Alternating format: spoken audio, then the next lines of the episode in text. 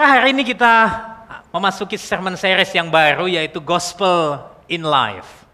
Apa maksud dan tujuan daripada sermon series ini, saudara? Seperti yang kita lihat tadi di dalam uh, LCD yang kita lihat hari ini, saudara, bahwa sering kali kita itu mendengar kata Injil.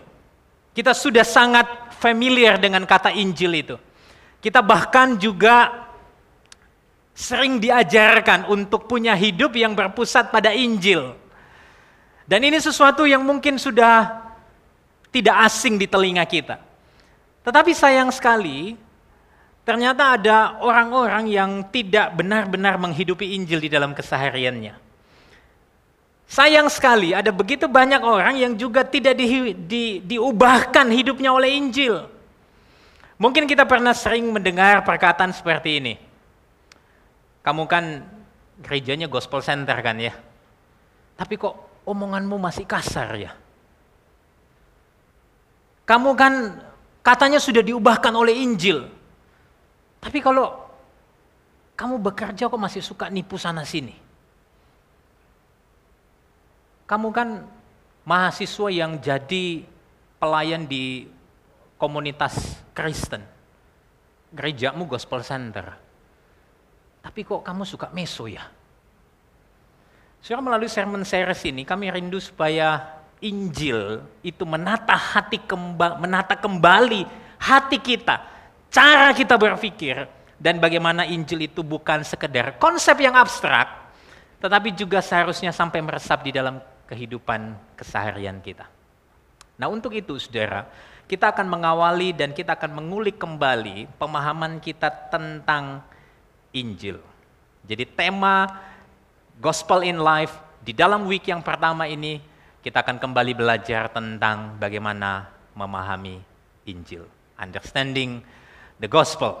Nah saudara-saudara yang dikasih oleh Tuhan, saya akan mengajak saudara untuk membaca beberapa perikop firman Tuhan yang diambil di dalam surat Roma, 1 Korintus, dan surat 1 Timotius.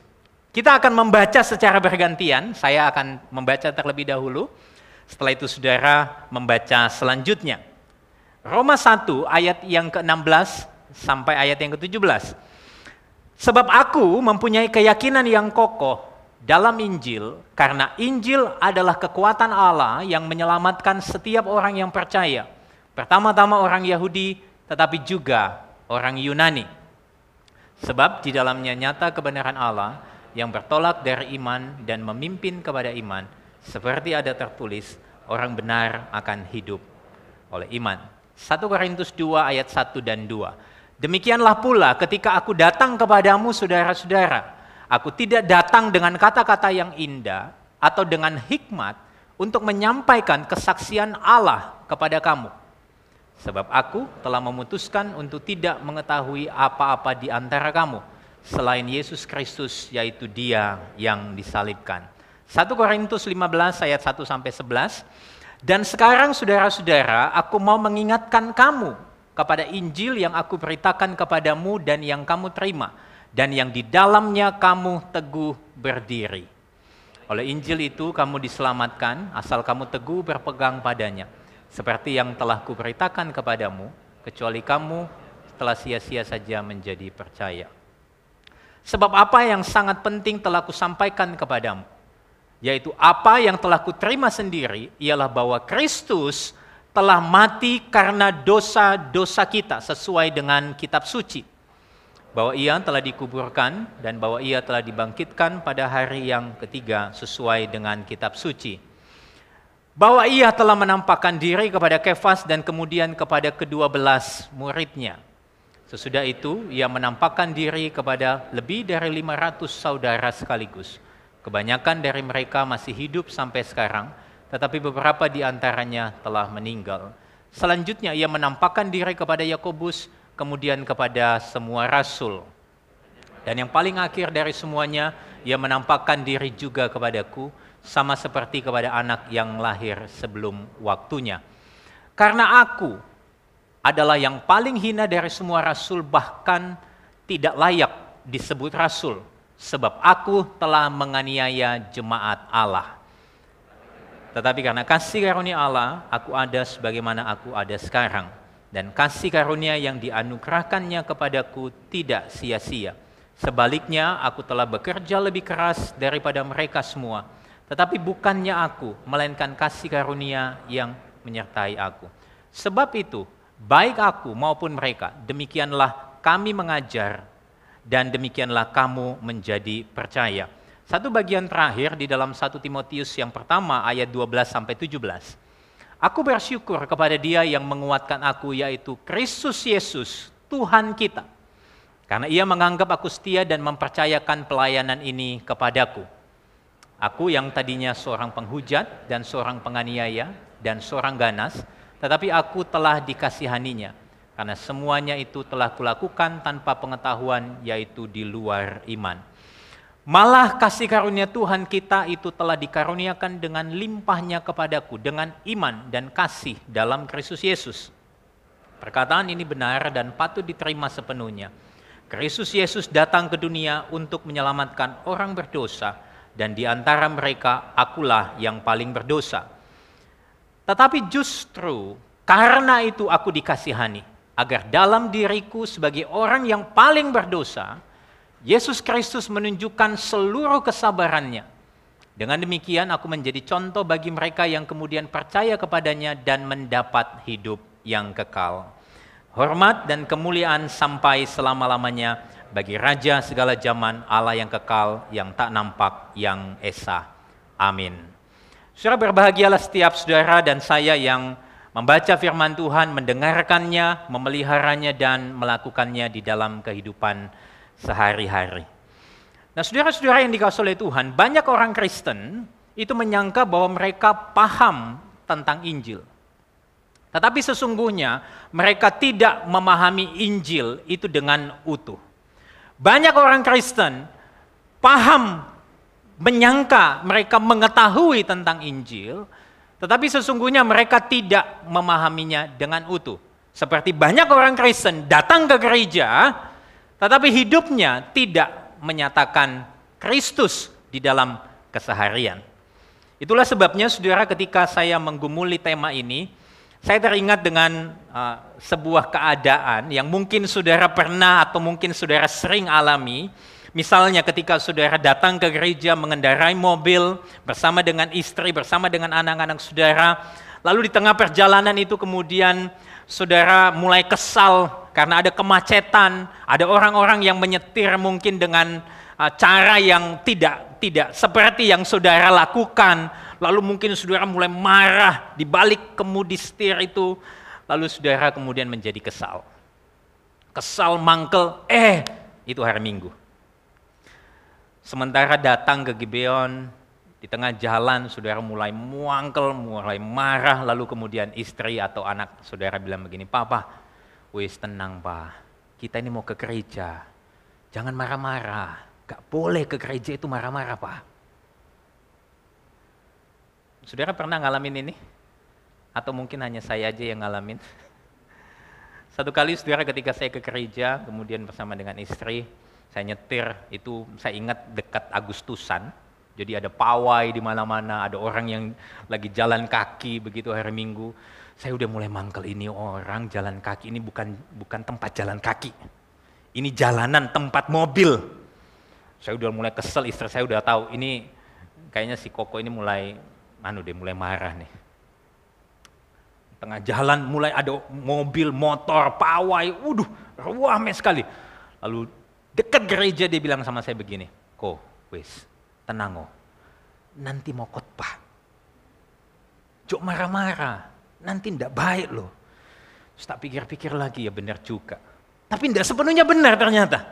Karena acap kali saudara kita itu membangun atau memakai topeng ketika masuk gereja. Atau mungkin ada di antara saudara lagi tekaran ya, lagi lagi konflik mau ke gereja, begitu mau turun mobil, wis ya, cok ngamuk-ngamuk ya, Cuk sampai kelihatan pastor, kita tengkar.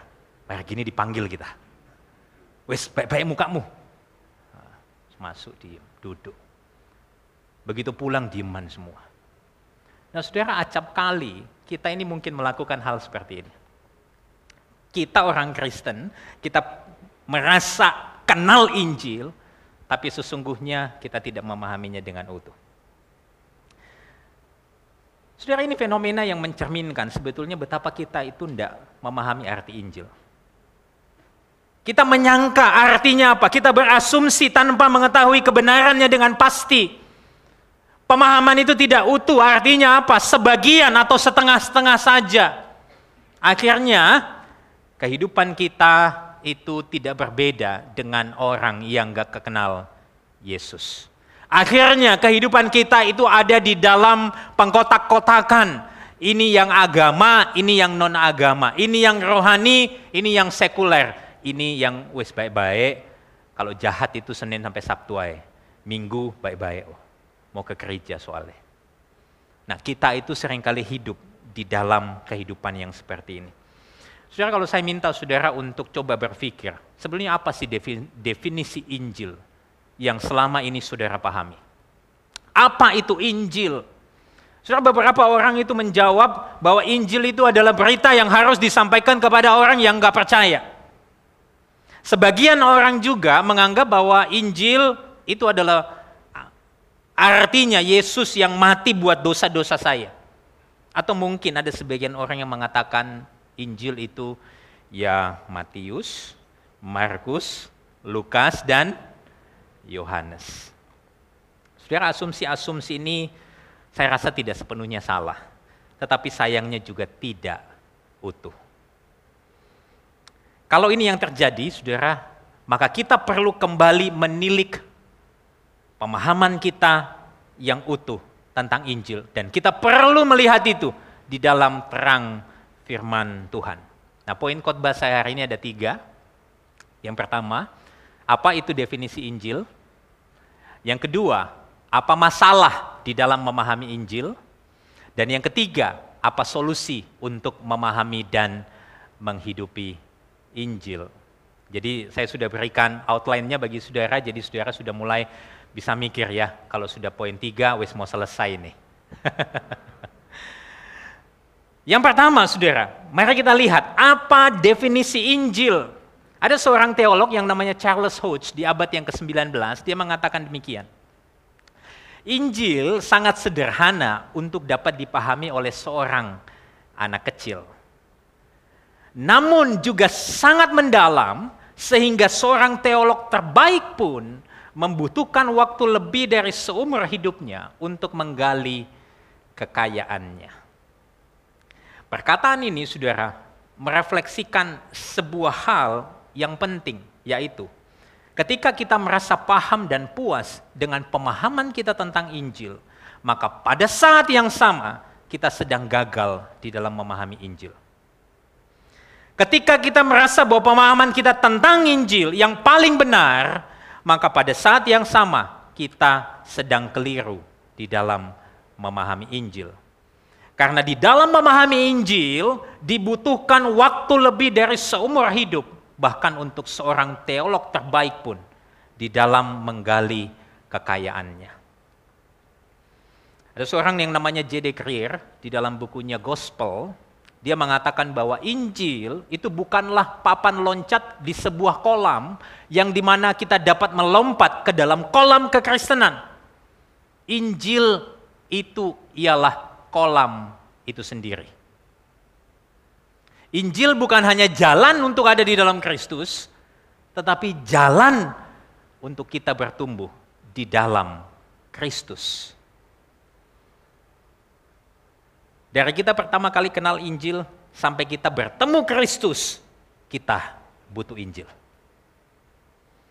Injil bukanlah langkah pertama dalam menaiki tangga kebenaran, tapi Injil itu lebih tepat diibaratkan seperti sebuah poros roda yang menggerakkan kehidupan orang percaya.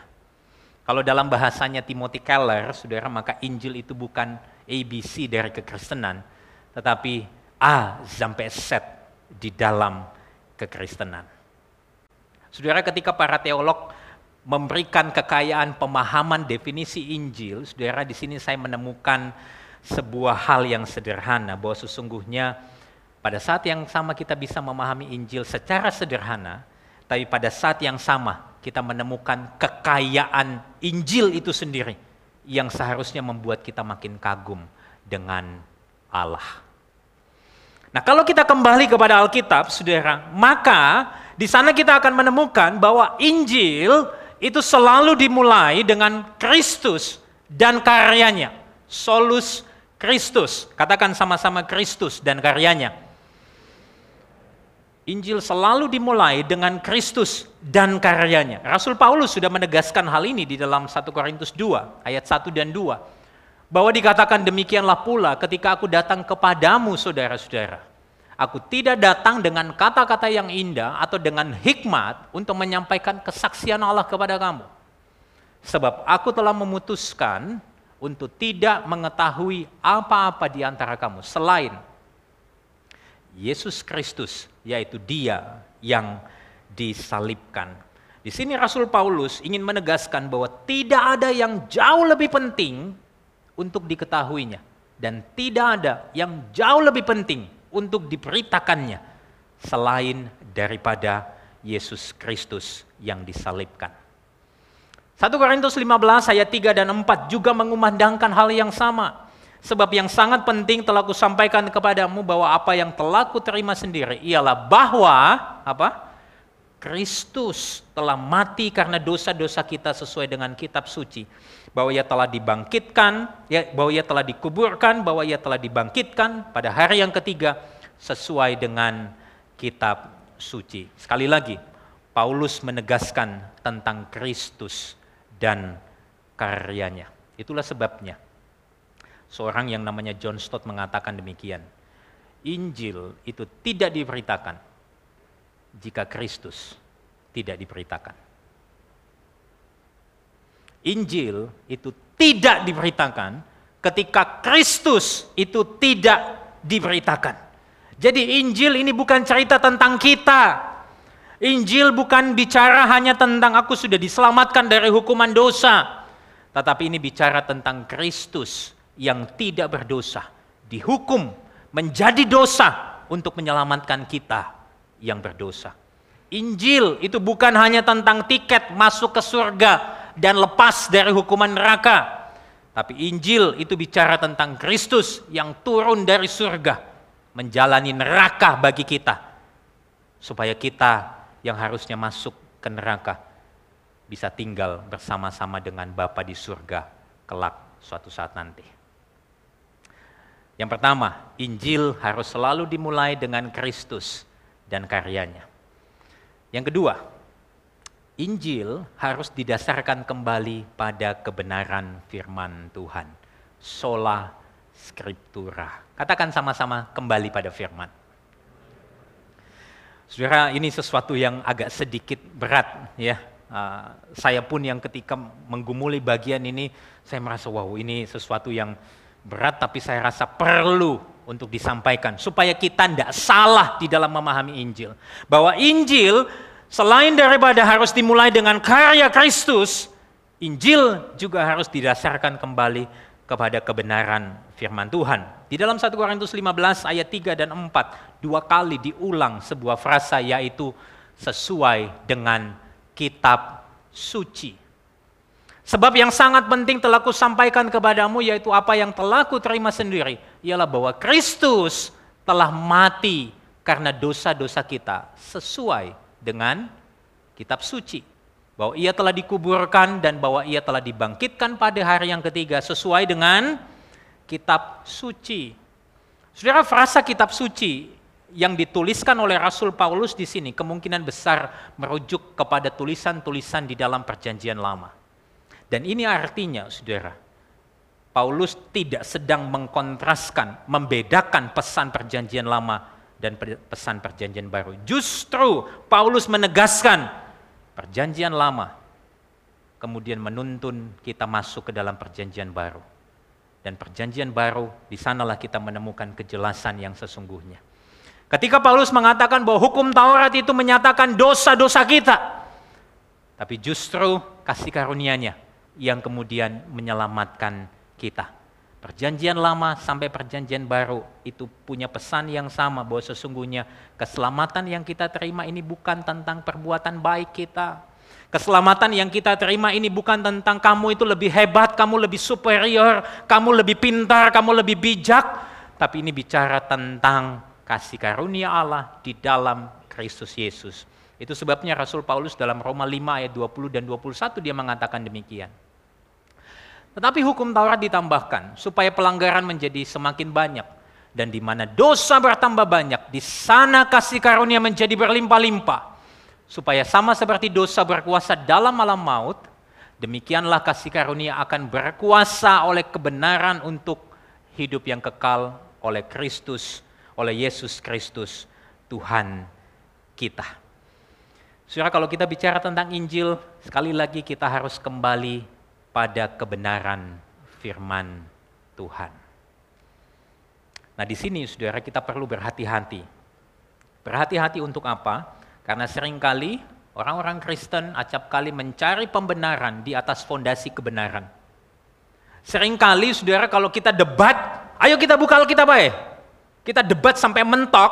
Nah, wes. Kon kalah toh? Saudara, ini adalah upaya membenarkan diri sendiri. Ini adalah upaya self righteousness. Jadi mencari pembenaran di atas fondasi kebenaran itu adalah upaya membenarkan diri sendiri.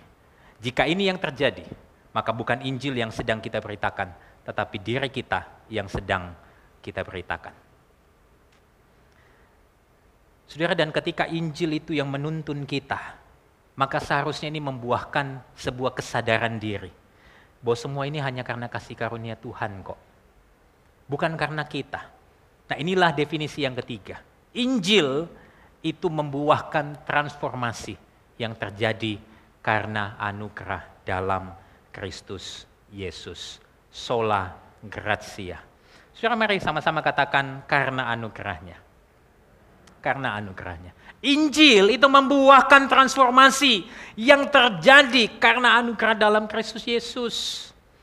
Kalau kita melihat 1 Korintus 15 ayat 9 sampai 11 dikatakan karena aku adalah yang paling hina dari semua rasul bahkan tidak layak disebut rasul sebab aku telah menganiaya jemaat Allah. Ayat 10 Saudara baca yang kuning yang saya stabilo kuning, tetapi karena kasih karunia Allah, aku adalah sebagaimana aku ada sekarang dan kasih karunia yang dianugerahkannya kepadaku tidak sia-sia Sebaliknya aku telah bekerja lebih keras daripada mereka semua. Tapi bukannya aku, melainkan kasih karunia Allah yang menyertai aku. Sebab itu, baik aku maupun mereka demikianlah kami mengajar dan demikianlah kamu menjadi percaya. Saudara Injil itu bukan sekedar informasi, bukan juga sekedar inspirasi, tetapi Injil adalah kekuatan yang mentransformasi. Injil sekali lagi itu bukanlah informasi.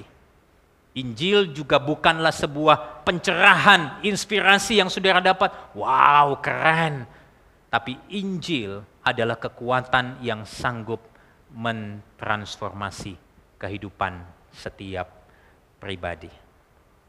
Saudara, kalau kita menyaksikan kehidupan Rasul Paulus di dalam ayat yang ke-9 dia katakan, aku ini yang paling hina, yang paling gak layak. Bahkan aku telah menganiaya jemaat Allah. Saudara itulah kekuatan Injil. Injil mengubahkan hidup Rasul Paulus. Dan bukan karena kualitas yang ada di dalam dirinya, tetapi karena karya Kristus yang sempurna, yang di dalam itu anugerahnya kemudian mengubahkan Rasul Paulus. Itu artinya saudara, tidak ada satu kebaikan yang membuat seseorang layak untuk dikasihi. Dan juga sebaliknya, tidak ada satu keburukan yang membuat seseorang tidak pantas untuk dikasihi. Semua hanya karena kasih karunia. Dan kalau itu semua karena kasih karunia saudara, seharusnya itu tidak membuat kita menjadi tinggi hati. Atau tidak juga membuat kita menjadi rendah diri tapi justru membuat kita sadar diri bahwa segala yang ada di dalam hidup kita ini anugerah Allah. Kalau kita bisa melayani, kalau kita bisa bekerja, kalau kita bisa melakukan segala sesuatu di dalam hidup kita, itu semua karena kasih karunia-Nya. Karena itu, kalau semua itu hanya kasih karunia-Nya, sebetulnya tidak ada ruang bagi kita untuk berbangga diri atas kelebihan kita atau atas kesalehan kita. Atau juga merendahkan orang lain untuk kekurangan mereka. Siapa pun kita, kita semua menerima kasih karunia yang sama. Tidak ada ruang juga bagi kita untuk merasa lebih superior daripada orang lain karena kita mungkin lebih lama bergereja di sebuah gereja yang gospel center. Tidak juga membuat kita lebih inferior karena kita mungkin jemaat yang baru. Tapi ketika Injil saudara dengarkan kemudian mengubahkan hidup saudara, kita perlu sadar itu semua karena kasih karunia Allah. Lalu bagaimana kita bisa merespon anugerahnya dengan benar? Bagaimana kita bisa merespon kasih karunia yang sudah kita terima itu dengan benar? Inilah poin yang keempat, yaitu dengan iman yang benar. Injil itu menuntun kepada iman yang benar bagi kemuliaan Allah. Sola fide dan soli deo gloria. Ini lima sola yang sangat penting. Kalau saudara datang ke gereja ini ataupun saudara keluar, saudara akan melihat itu terpampang jelas lima sola. Solus Christus, sola scriptura, sola gratia, sola fide, dan soli deo gloria. Ya sedikit keren-kerenan lah ya, saudara tahu lima sola, kira-kira begitu. Isinya sebetulnya itu berpusat kepada Injil. Roma 1 ayat 16-17 itu mengatakan demikian. Sebab aku mempunyai keyakinan yang kokoh dalam Injil. Karena Injil adalah kekuatan Allah yang menyelamatkan setiap orang yang percaya. Pertama-tama orang Yahudi, tetapi juga orang Yunani. Sebab di dalamnya nyata kebenaran Allah yang bertolak dari iman dan memimpin kepada iman. Seperti ada tertulis, orang benar akan hidup oleh iman. Saudara, frasa bertolak dari iman dan memimpin kepada iman, di dalam terjemahan yang lain sebetulnya bisa kita mengerti bahwa karena kesetiaan Tuhanlah melalui karya Kristus yang menghampiri kita terlebih dahulu dan itulah yang memampukan kita untuk merespon dengan benar. Jadi yang mendahului kita bisa merespon dengan benar itu bukan karena iman kita tetapi karena kesetiaan Allah yang memampukan kita sehingga kita bisa merespon dengan benar. Itulah sebabnya John Stott sekali lagi mengatakan bahwa kesetiaan Allah, janjinya dan karya Kristus yang selalu mendahului sehingga kita mampu memberi respon. Saudara kalau saudara lihat cara berpikir yang seperti ini, saudara akan dituntun untuk kembali berpusat kepada Injil itu sendiri. Kalau semuanya itu tentang Kristus yang bekerja di dalam hidup kita, itu artinya, saudara, segala hormat, segala kemuliaan itu harus kita kembalikan kepada Kristus. 1 Timotius 1 ayat 17, bagian yang terakhir yang tadi kita baca mengatakan hormat dan kemuliaan sampai selama-lamanya bagi Raja segala zaman Allah yang kekal yang tak nampak yang esa. Amin. Saudara, ketika Paulus menuliskan sebuah puji-pujian di dalam surat-surat Paulus, kita sering menemukan puji-pujian itu keluar bukan di akhir daripada surat Paulus.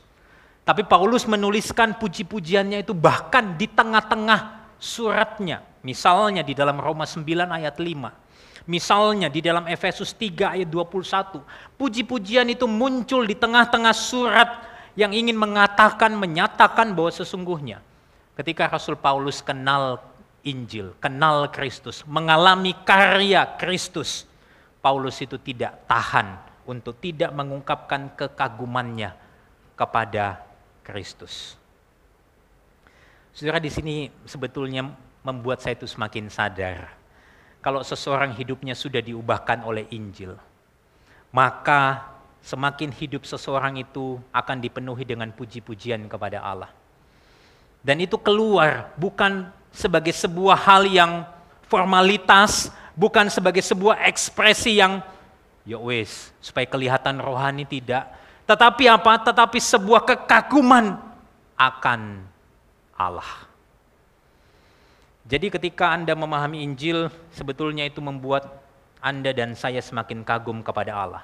Atau kalau saya mau kasih di dalam bahasa yang lebih formal seharusnya, pengetahuan teologi atau pemahaman kita tentang Injil itu harus berujung kepada doksologi.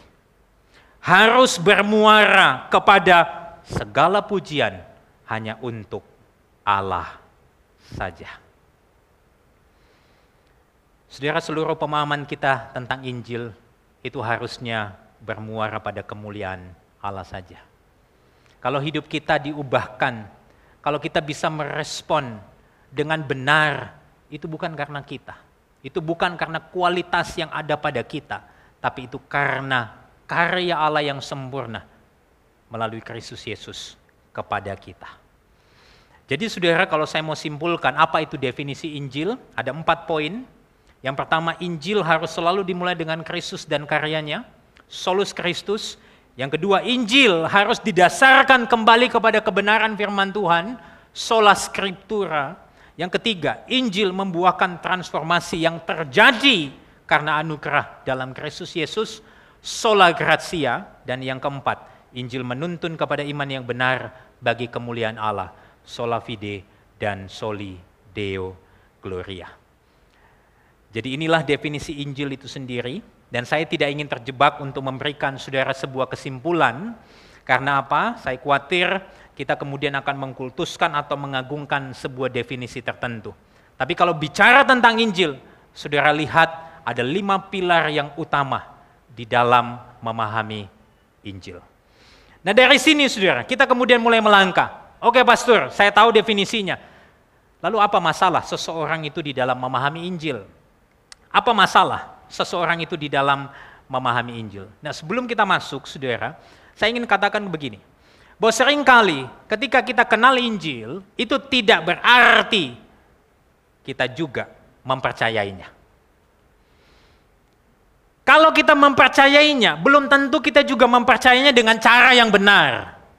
Itulah sebabnya berita Injil yang benar harus juga diresponi dengan sikap yang benar. Acap kali saya menemukan seseorang gagal memahami Injil karena apa? Karena mereka berhenti memahami Injil sebagai pengetahuan kognitif saja. Seringkali kita gagal memahami Injil karena Injil kita pahami hanya sebagai pengetahuan kognitif saja. Kalau saya boleh kasih ilustrasi misalnya ketika saudara ketemu dengan orang, lalu kemudian dia lagi punya masalah, dia datang kepada saudara, dia tanya, kira-kira apa ya yang harus aku lakukan? Mungkin saudara karena sudah sekian tahun di gereja yang gospel center, otomatis langsung kon hatinya kayaknya belum perlu dikalibrasi deh. Ono berhala dalam hatimu. Wih, otomatis yang keluar itu kayak kalau disenggol langsung ngomongnya Injil. Tapi acap kali saya menjumpai banyak orang yang hanya menyimpan Injil di dalam kognitif saja. Itulah sebabnya seorang Reform Biblical Scholar namanya Don Carson dia mengatakan bahwa Injil tidak melulu tidak akan pernah sepenuhnya dikatakan Injil jika itu hanya sebatas atau melulu tentang kognitif saja. Jadi Injil itu bukan sekedar hikmat Allah, tetapi sesungguhnya kekuatan Allah yang mentransformasi seluruh kehidupan kita secara holistik. Ini bukan hanya bicara tentang segmentasi. Injil hanya mengubah pikiran kita, tidak. Injil itu mengubah seluruh hidup kita. Dalam satu Korintus, saudara, ayat yang kedua pasal yang ke-15 itu dikatakan, oleh Injil itu kamu diselamatkan, asal kamu teguh berpegang kepadanya. Saudara, frasa asal kamu teguh berpegang kepadanya, di dalam bahasa aslinya, itu menyiratkan sebuah pesan tentang konsistensi. Konsistensi. Artinya, ketika kita menerima Injil, ini bukan hanya sekedar persetujuan atas satu hal di dalam satu waktu tertentu. Atau ini juga bukan tentang antusiasme sesaat yang berkobar-kobar. Ini juga bukan tentang fanatisme yang spontan. Tetapi ini tentang sebuah pilihan yang sadar yang kemudian kita jadikan sebagai pegangan dan penuntun kehidupan. Sehingga ketika seseorang yang sudah mengenal Injil dengan benar, maka Injil itu akan berdampak dalam kehidupan orang tersebut di dalam setiap area hidup mereka. Entah dalam pernikahan saudara, di dalam relasi saudara berpacaran, di dalam pekerjaan saudara, di dalam studi saudara, di dalam pelayanan saudara, dan seterusnya. Dan kalau kita mau refleksi saudara, coba kita mulai berpikir hari ini sejauh mana orang-orang yang dekat dengan kita, entah itu suami istri, suami atau istri kita, anak-anak kita, orang tua kita, sahabat-sahabat kita, itu yang memberikan konfirmasi bahwa sesungguhnya Kristus sudah mengubahkan dan yang paling terutama di dalam hidup saudara. Sejauh mana pasangan saudara, anak-anak saudara mengatakan bahwa betul papa, betul mama, hidupnya sudah diubahkan oleh Kristus. Sejauh mana sahabat-sahabat saudara mengatakan, saya bersyukur melihat engkau yang hidupnya sudah diubahkan oleh Kristus. Sejauh mana mereka melihat perkataanmu, tingkah lakumu sebagai orang yang betul-betul sudah kenal dan diubahkan oleh Injil. Lalu masalah yang kedua, saudara. Masalah yang kedua yang sering kali membuat orang Kristen gagal di dalam memahami Injil karena apa? Karena Injil sering kali kita bicara ini hanya melulu tentang relasi saya dengan Allah. Kita gagal memahami Injil jika Injil itu hanya melulu tentang relasi saya dengan Allah. Saudara memang benar bahwa Injil itu menyatakan pesan Allah mengasihi Anda dan saya. Tetapi itu bukan hanya tentang relasi saya, Anda dan Allah. Kalau Injil hanya sekedar relasi saya dan Allah, kita bisa melewatkan konteks yang lebih besar dari misi Allah. Akhirnya kita menjadi orang-orang yang egois. Padahal kalau kita melihat Injil, Injil itu bicara tentang konteks yang lebih luas, yakni tentang relasi seluruh ciptaan dengan Allah. Ini bicara tentang restorasi atas seluruh ciptaan yang sudah jatuh di dalam dosa. Kalau kita membaca surat Paulus kepada jemaat di Kolose pasal yang pertama ayat 15 sampai 17, mari kita baca bertanggapan ayat 16 Saudara ayat 17, karena di dalam dialah telah diciptakan segala sesuatu yang ada di surga dan yang ada di bumi, yang kelihatan dan yang tidak kelihatan, baik singgah sana maupun kerajaan, baik pemerintah maupun penguasa, segala sesuatu diciptakan oleh dia dan untuk dia, ayat 17. Ia ada terlebih dahulu dari segala sesuatu dan segala sesuatu ada di dalam dia. Saudara, karena segala sesuatu diciptakan di dalam dia dan melalui dia, maka kita menemukan sebuah kebenaran bahwa Kristus bukan hanya penebus, tetapi dia juga pencipta. Dia adalah pencipta yang menebus seluruh ciptaan yang sudah jatuh di dalam dosa. Maka kalau saudara membaca Alkitab, ketika Yesus melakukan mujizat, menyembuhkan orang sakit, membangkitkan bahkan orang mati, ada sebuah pesan implisit yang ingin disampaikan bahwa sesungguhnya sakit penyakit bahkan kematian itu bukan desain awal dari penciptaan. Kalau kita memahami Injil dengan utuh, maka kita tidak boleh mereduksi bahwa Kristus hanya juru selamat pribadi Sesungguhnya dia lebih daripada itu. Dia adalah Allah atas ciptaan. Dia adalah Allah atas ciptaan yang baru. Mungkin saudara bilang begini, oke okay, pastor, wes ngerti, tahu aku, wes ini ngelotok, wes tiap minggu aku dengar yang kayak begini. Aku cuma butuh relevansinya, aku cuma butuh implikasinya. Apa pastor? Wes ini cuma berhenti kognitif lagi pastor. Nah, saudara kita masuk di poin yang ketiga. Apa solusi bagi kita untuk memahami dan menghidupi Injil? Saudara, sesungguhnya kebutuhan terbesar di dalam hidup manusia yang berdosa itu bukanlah tentang mendapatkan, memiliki pengetahuan yang banyak. Bukanlah tentang diperlengkapi dengan pengetahuan yang mumpuni, dan juga bukan tentang diperlengkapi supaya punya skill untuk bertahan hidup, tapi sesungguhnya kebutuhan terbesar manusia yang berdosa itu adalah dibangkitkan dari kematian rohani. Saudara, kalau kita kembali merujuk di dalam 1 Korintus 15 ayat 3 dan 4 yang mengatakan sebab yang sangat penting telah kusampaikan kepadamu yaitu apa yang telah kuterima sendiri ialah bahwa Kristus telah mati karena dosa-dosa kita sesuai dengan kitab suci. Ayat yang keempat, bahwa ia telah dikuburkan dan bahwa ia telah dibangkitkan pada hari yang ketiga sesuai dengan kitab suci. Saudara, frasa kitab suci diulangin dua kali di sana. Para penafsir sepakat bahwa ini di sini Paulus merujuk kepada bagian di dalam perjanjian lama. Tetapi secara spesifik, beberapa penafsir sepakat bahwa bagian ini menggemakan kembali nubuat yang dicatat di dalam Yesaya 53 ayat 6 dan 7. Kalau saudara punya Alkitab elektronik, saudara punya Alkitab fisik, saudara akan lihat ada footnote-nya di sana. Di dalam 1 Korintus 15 ayat 3 dan 4 saudara akan direferensikan untuk melihat Yesaya 53 ayat 6 dan 7 yang berbunyi demikian. Kita sekalian sesat seperti domba. Masing-masing kita mengambil jalannya sendiri. Tetapi Tuhan telah menimpakan kepadanya kejahatan kita sekalian. Dia dianiaya, tetapi dia membiarkan diri ditindas dan tidak membuka mulutnya. Seperti anak domba yang dibawa ke pembantaian, seperti induk domba yang keluh di depan orang-orang yang menggunting bulunya, ia tidak membuka mulutnya. Surah Yesaya sebetulnya mengatakan tentang keadaan kita yang sesungguhnya. Kita ini sesat, kita ini mati rohani. Kita mengambil jalan kita masing-masing. Kita ini menyeleweng. Kita ini bahkan tidak mencari Tuhan. Bahkan tidak ada dari kita yang dapat berbuat baik sekalipun. Tetapi puji Tuhan. Puji Tuhan.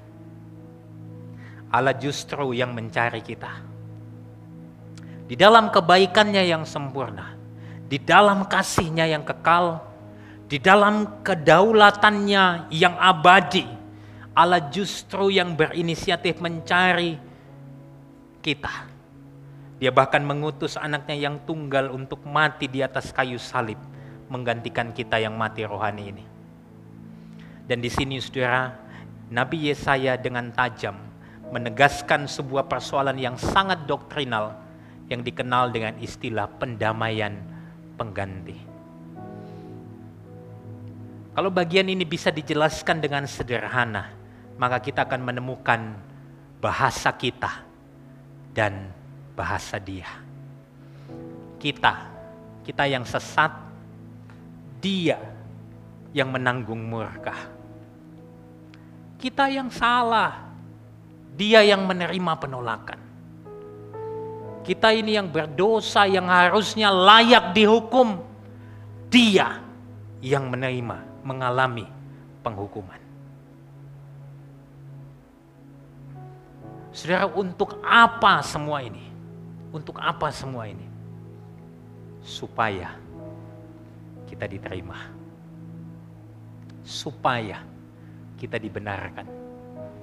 Supaya kita didamaikan. Kalau kita yang sesat, kita harusnya yang menanggung murka Tuhan. Tapi Kristus menggantikan kita supaya kita diterima. Kita yang salah, kita yang buat dosa, tapi Dia yang menanggung hukuman. Dia yang menerima murka Allah. Dia yang terpisah dari Allah Bahkan di atas kayu salib dia berkata, Allahku, Allahku mengapa engkau meninggalkan aku? Untuk siapa itu semua? Untuk saudara dan saya. supaya kita yang layak ditinggalkan. Tapi justru dia ada bersama dengan kita. Kita yang layaknya menerima hukuman, tapi justru dia menerima hukuman yang seharusnya kita terima.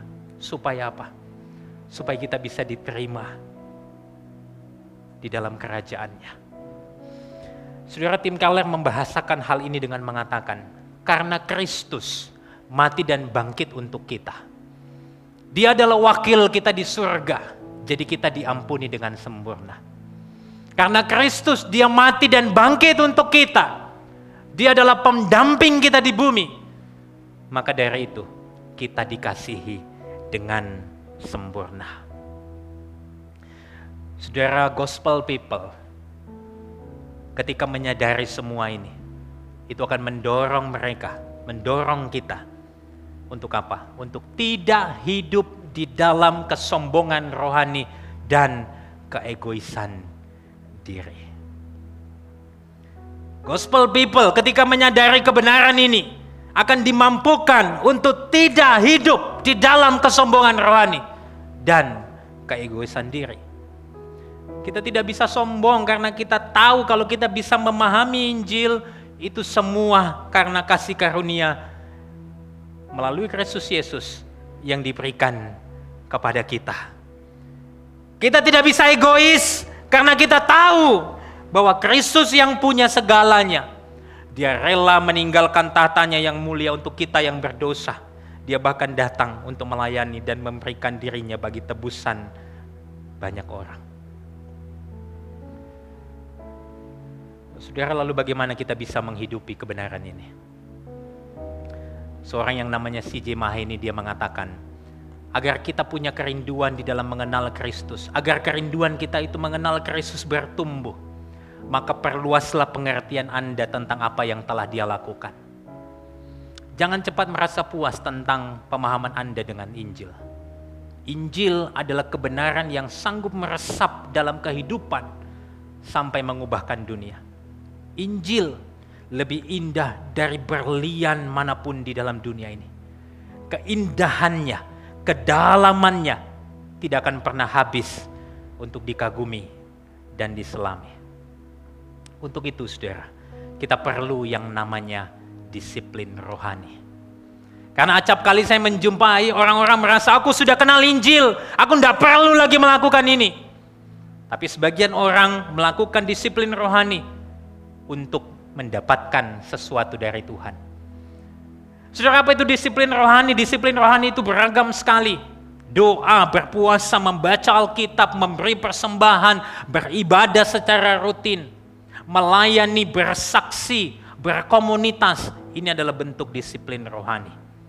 Tetapi ketika kita melakukan ini, orang-orang yang kenal Injil tidak jatuh di dalam sebuah sikap liberalisme atau legalisme. Kita tidak jatuh ke sana, tetapi kita sadar kalau kita bisa melakukan ini, ini adalah respon ucapan syukur kita atas kasih karunia Tuhan.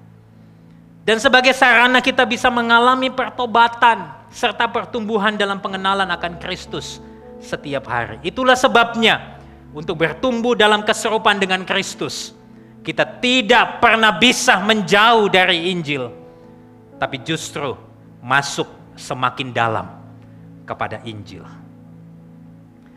Saudara di sini saya diingatkan juga oleh seorang penulis buku J.D. Greer. Dia menuliskan tentang sebuah hal yang sangat indah. Bahwa ketika kita bisa membaca Alkitab sebagai salah satu bentuk disiplin rohani.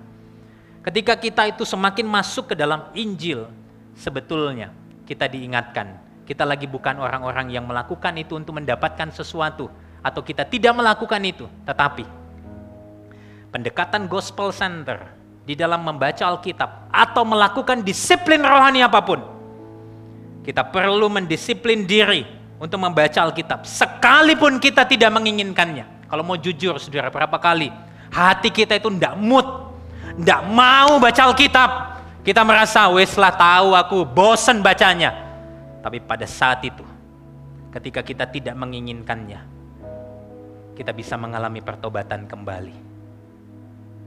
kita diingatkan bahwa sering kali ternyata kita tidak mengasihi Tuhan itu sepenuh hati.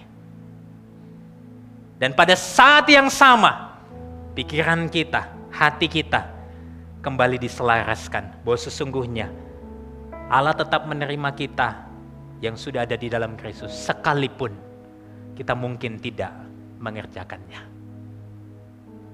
Ini adalah sebuah pendekatan gospel center di dalam melakukan disiplin rohani. Jadi kalau kita melakukan disiplin rohani, itu bukan sebagai sebuah upaya ketaatan untuk mendapatkan sesuatu, melainkan ungkapan syukur karena Kristus telah memberikan segalanya di dalam hidup kita. Dan sebagai sarana bagi kita untuk mengalami pertobatan, untuk bertumbuh dalam anugerah dan pengenalan kepada Kristus. Mari beri kemuliaan untuk Tuhan kita. Saudara saya mengundang saudara berdiri. Saudara mungkin mulai bertanya, oke okay, pastor, lalu apa implikasinya? Saya berikan empat implikasi kepada saudara hari ini.